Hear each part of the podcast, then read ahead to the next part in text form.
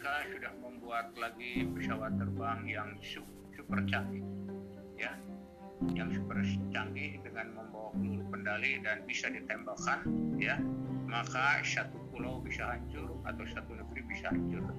Tapi dia mengembangkan lagi yang lebih lain.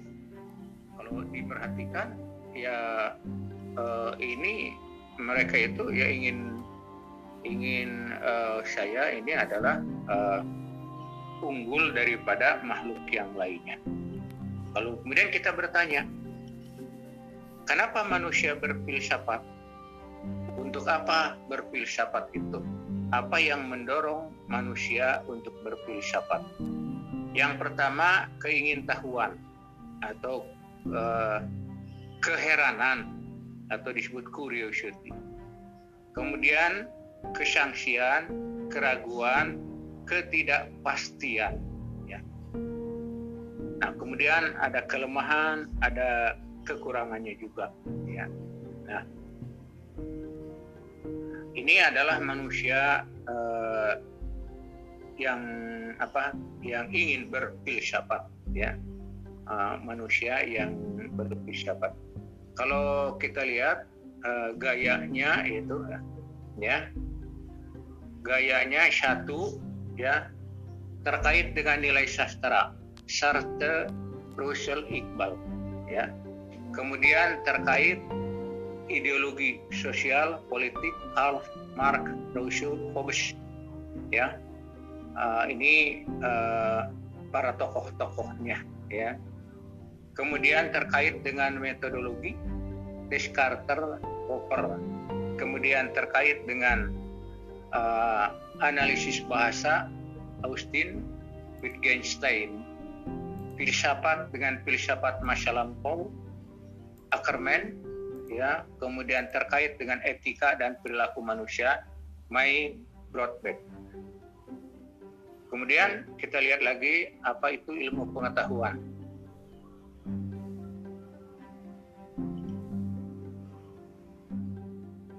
Ah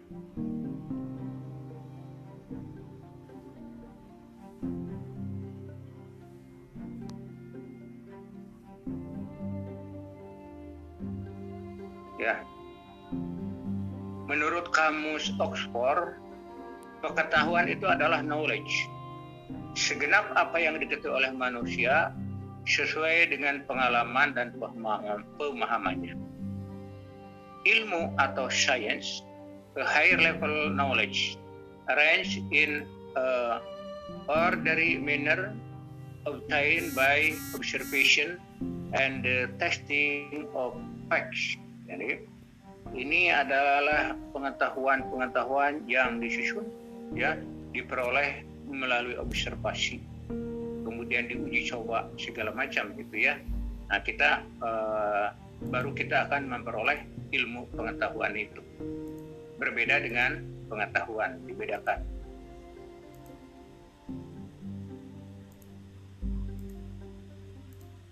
Nah, kemudian ada tiga jenis pengetahuan.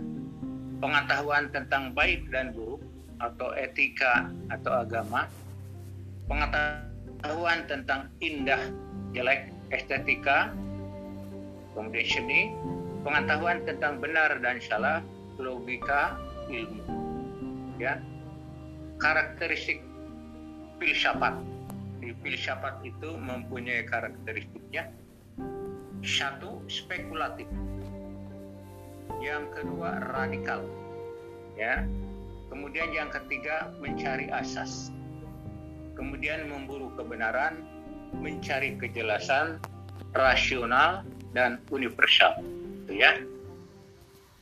Nah bagaimana filsafat ini membaginya?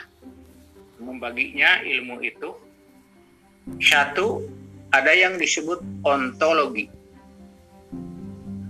Ya apa itu ontologi? Nah, ontologi itu uh,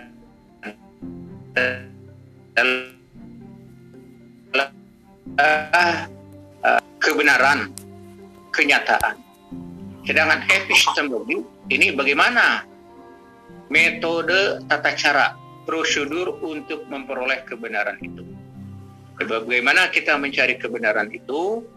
Nah, inilah yang disebut dengan metode prosedur untuk memperoleh keilmian. Nah ini yang dua ini yang ontologi dibahas oleh Ibu Eni, epistemologi uh, oleh Pak Dadang, Pak Dadang ya. Kemudian aksiologi. Nah, aksiologi belum dibahas nanti saja ya. Untuk apa, mengapa dan kaidah apa yang harus diperhatikan dalam pemanfaatan ilmu demi kemaslahatan manusia. Jadi yang pertama ontologi, objek kajian filsafat ilmu itu ya.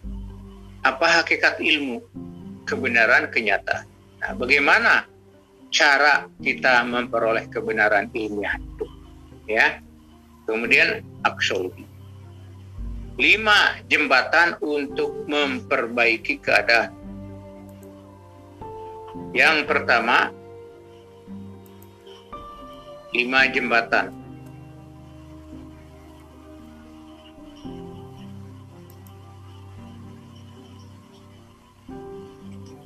Untuk memperbaiki keadaan satu agama.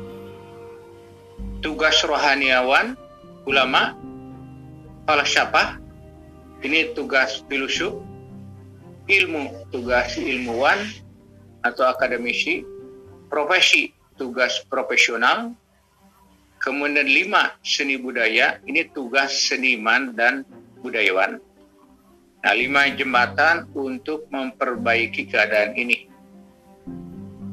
Apakah saudara setuju? Ya, satu untuk memperbaiki keadaan ini apa ini contohnya ya katanya satu agama atau rohaniawan atau ulama. Yang kedua falsafah ya tugas filsuf kemudian ilmu. Tugas ilmuwan. Profesi. Ini tugas profesional. Seni budaya. Tugas seniman. Tujuan filsafat ilmu. Nah, tujuannya apa filsafat ilmu itu? Satu, pengujian penalaran ilmiah. Kemudian yang kedua, refleksi, kritik asumsi dan metode keilmuan. Yang tiga, ketiga, pendasaran logis, rasional, metode keilmuan. Ya. Nah, ini adalah uh, tujuan filsafat ilmu ya. Satu pengujian, pengujian penalaran ilmiah. Kritik atau metode keilmuan kemudian pendasaran logis rasional metode keilmuan. Syarat berpikir logis lo ah, ini ada syarat berpikir filosofi. Jadi satu radikal. Sampai ke hakikat atau esensi atau akarnya. Yang kedua, universal. Common experience of mankind. Selanjutnya itu adalah konseptual, hasil abstraksi atau generalisasi, ya.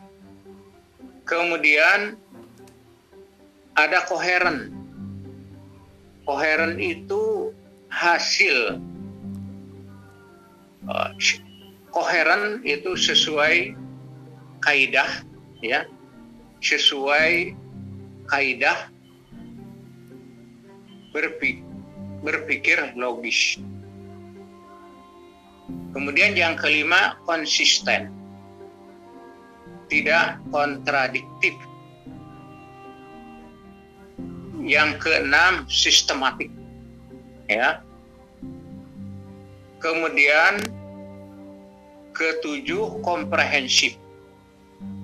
Kemudian kedelapan bebas dari prasangka. Sosial historis kultural dan religius. Ya. Dan tentunya anda kalau sudah membuat itu harus bertanggung jawab. Itu ya baik dalam hati nurani, etika atau moral. Jadi dalam uh, Anda mencari kebenaran itu tentunya berpikirnya harus berpikir logis ya nah uh, ini yang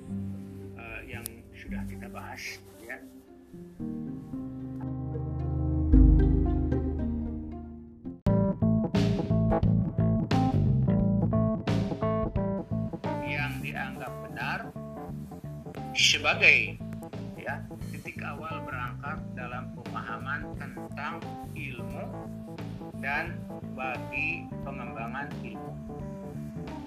Batasan adalah kelemahan atau kekurangan keputusan ya yang dikaitkan dengan hasil penelitian. Nah, ontologi yang kedua, kriteria benar dalam matematika adalah konsisten berbagai asumsi. Ya, definisi aksioma, postulat, teorema, proposi, kemudian korolaris, ya, konjektur dan aturan matematika. Nah, yang kedua, ontologi artinya sesuatu dikatakan benar bila tidak terbantahkan. Jadi sesuatu itu dikatakan benar bila ter, tidak terbantahkan. Misalnya, ya Anda setelah waktu S2 menemukan sesuatu dari tesis Anda, ya, halo, dari penelitian Anda ini, uh, nah, sudah uh, nyambung, nyambung lagi, Ibu Heni. Ya, Prof. Udah nyambung lagi? Iya, Prof. Sudah terbaca lagi? Sudah terbaca? Terbaca, Prof. Terbaca, Prof. Ya. Ya. Jadi kalau Anda nanti mengadakan penelitian, ya, uh, mengadakan penelitian disertasi, jadi artinya ontologi yang kedua itu adalah bila mana Anda katakan benar, ya, benar itu jadi tidak terbantahkan, ya, uh, oleh yang lain, ya, jadi tidak terbantahkan. Oleh karena itu, kalau di dalam riset kuantitatif, ya, itu hasil dari uh, validitas, realitas, hasil perhitungan secara matematika itu uh, tidak ada yang mengatakan salah gitu ya. Jadi uh, itu artinya itu valid itu penelitian Anda. Yang selanjutnya terjadi spesialisasi spesialisasi yang penyempitan lingkup bahasan. Kemudian batas ilmu terbatas pada hal yang bias di alam oleh indera karena ya berarti dapat dibuktikan terbatas pada benar atau salah. Baik atau buruk adalah bahasan dalam aksiologi ya. Kalau tadi ontologi ya eh, sekarang aksiologi. Ini aksiologi ini membahas kaitan ilmu dan moral. Ilmu bebas nilai. Perjalanan sejarah keilmuan menunjukkan bahwa ilmu pernah disebutkan sebagai bebas nilai. Jadi nah, waktu itu Bapak uh, beri uh, contoh ya tentang Galileo bahwa bumi ini uh, menurut Galileo ini tidak tidak benar bahwa itu datar. Waktu itu dibantah oleh uh, apa namanya uh, Kristen ya oleh Katolik ya atau Protestan mereka membantahnya. Nah, nah setelah dibantah, uh, tapi kemudian diperbaiki lagi bahwa uh, dia betul. Nah, jadi ilmu ya itu itu ilah ilmu uh, be, tidak bebas nilai ya karena satu ilmu yang digunakan secara destruktif ilmu berkembang sebagai esoterik kemudian revolusi ilmu genetika yang mungkin dapat mengubah ya manusia dan kemanusiaan.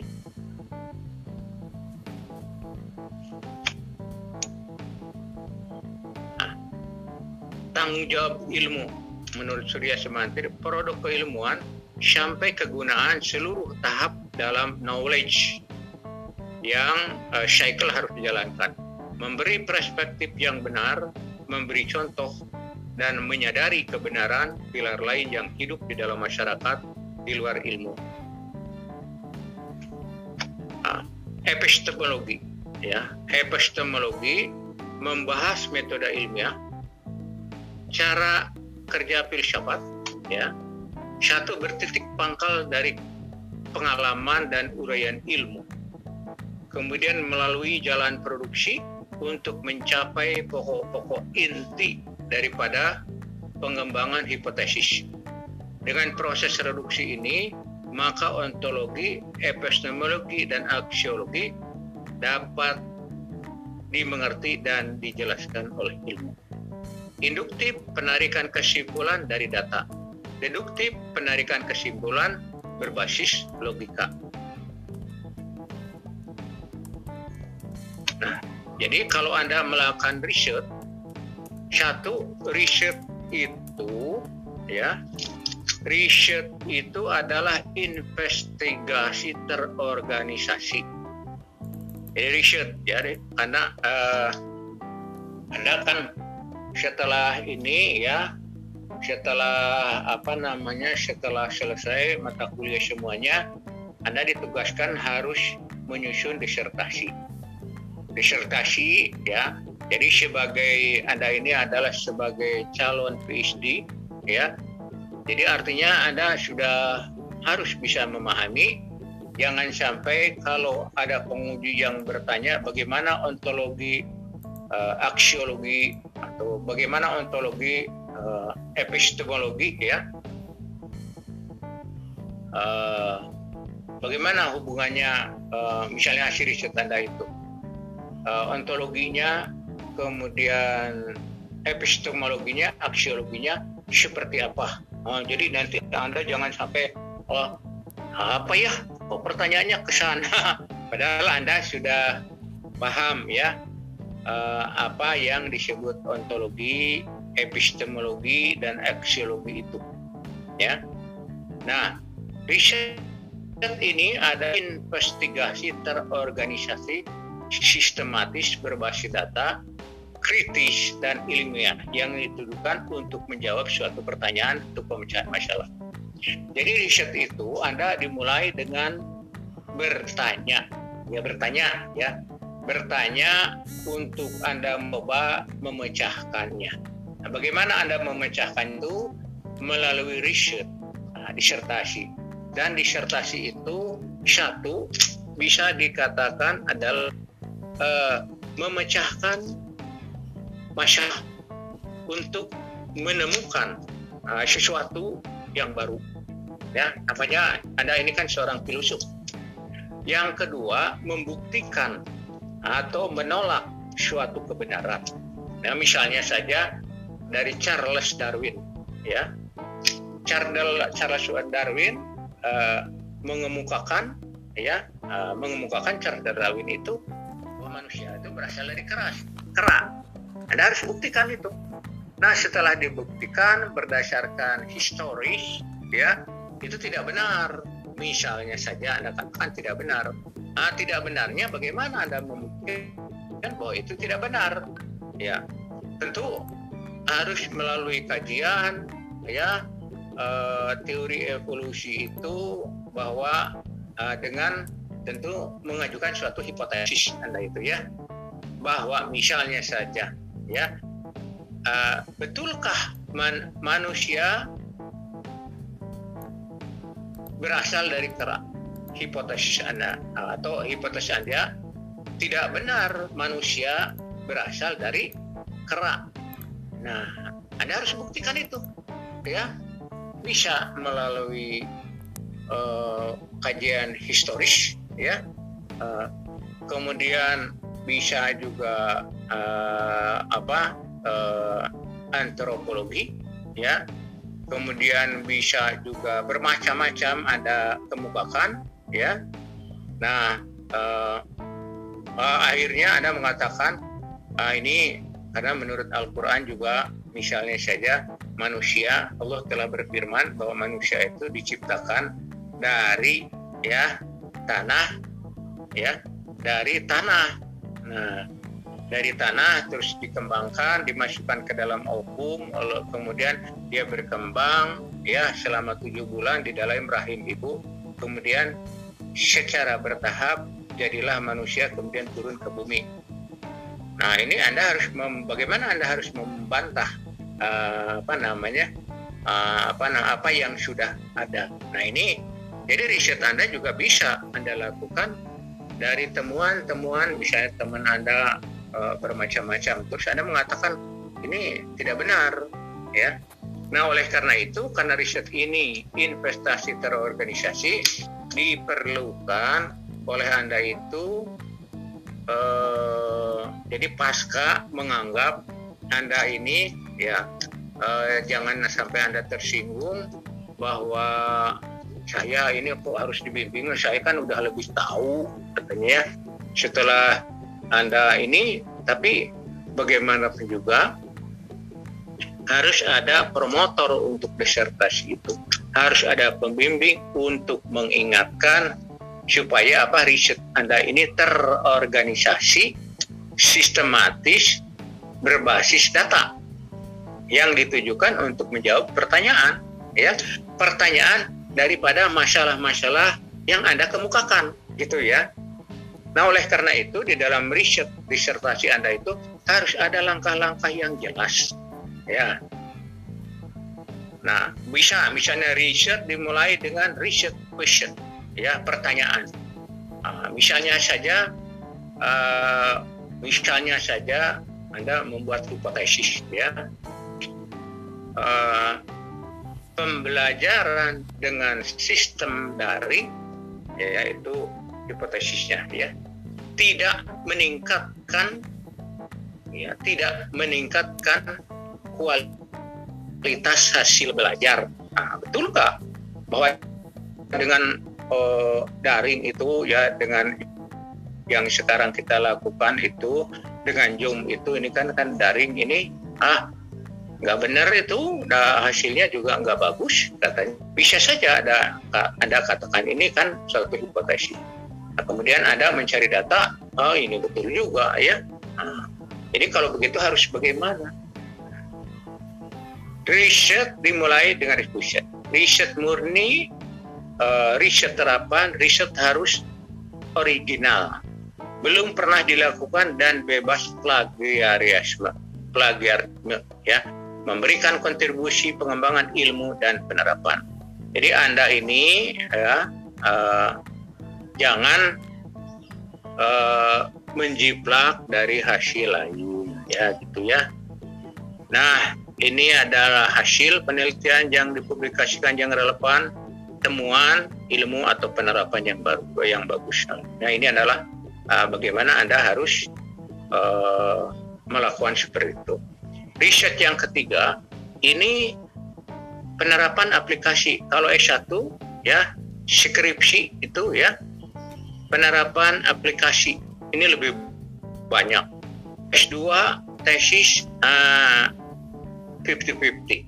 Kalau disertasi ini adalah pengembangan ya pengembangannya itu adalah uh, sesuatu yang harus berkembang. Kalau S1 hanya ya mengaplikasikan apa yang sudah ini bisa nggak dipakai ya itu ya. Nah, Visi keempat, penerapan aplikasi skripsi, tesis, disertasi.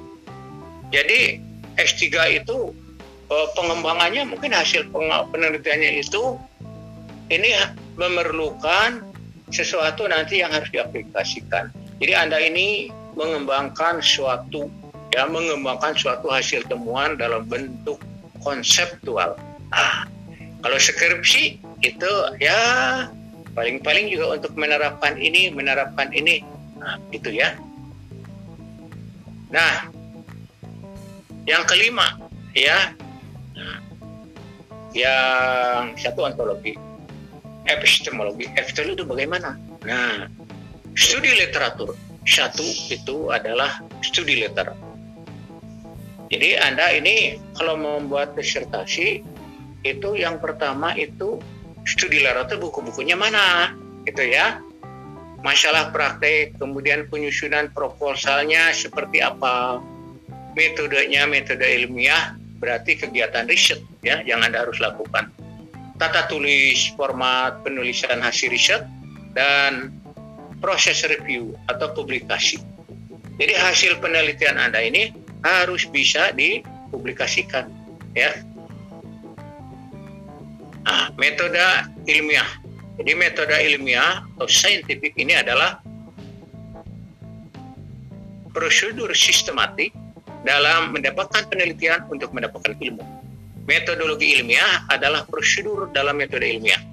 Langkah-langkah dalam penelitian itu satu, Anda harus bisa merumuskan masalah, penyusunan, perumusan hipotesis, pembuktian, dan penarikan kesimpulan. Jadi, bagaimana metode saintifik itu? Ya, studi literatur, ya, studi literatur, ya, perumusan masalah, kemudian pengalaman dunia nyata, kerangka berpikir, asumsi, Adakah penelitian tanpa hipotesis? Ya, pertanyaannya, Pak, bagaimana kalau tidak punya bisa pakai hipotesis? Ya, penalaran buka, pembuktian hipotesis, data empiris dan penarikan kesimpulan. Nah ini Pak, kalau ini begini mah ini mah kuantitatif. Nah, apakah boleh apakah boleh S3 mengadakan penelitian secara kuantitatif? Boleh saja. Ya, boleh saja atau Pak pakai logika, eh, pakai kualitatif boleh saja. Atau Pak pakai riset development ya boleh saja. Itu ya, tergantung masalah yang Anda kemukakan itu. Metode ilmiah, sistem penalaran. Satu itu aksioma, postulat, teorema, proposisi, ya, kemudian korelasi konjektur ya. Nah metode ilmiah saintifik keempat ya dengan pembuktian minor tahapan dalam pembuktian teorema aksioma teorema korelasi konjektur dan postulat. Ini tanpa pembuktian ya. Nah metode ilmiah saintifik ya.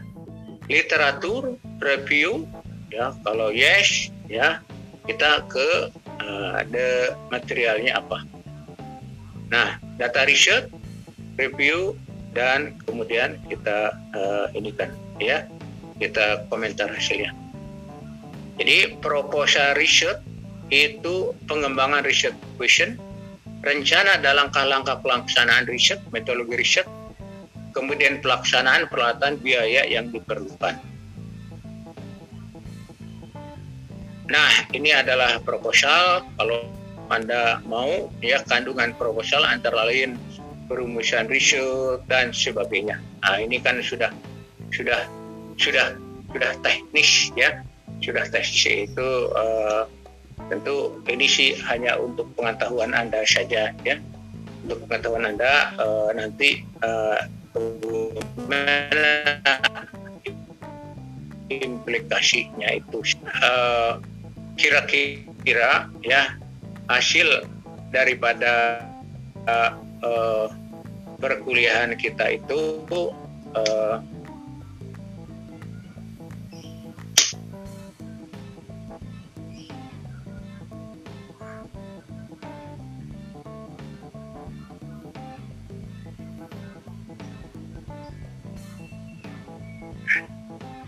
Nah, jadi hasil daripada apa perkuliahan ini selama uh, 7 6, 6 ya eh, 7 dengan sekarang.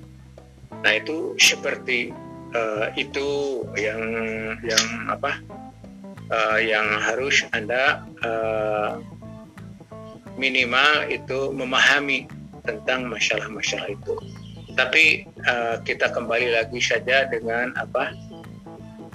Dengan uh, filsafat ilmu itu ya kalau yang tadi itu bapak kemukakan uh, sesuatu yang uh, bekal saja untuk ini. Jadi yang tadi riset seperti itu mah uh, tidak masuk nanti di dalam apa? Di dalam uh, UTS ya. Ini kalau UTS uh, masalahnya masalah filsafat ilmu yang kita akan ini ya. Uh, filsafat ilmu. Jadi filsafat ilmu itu bagaimana ontologinya ya. Bagaimana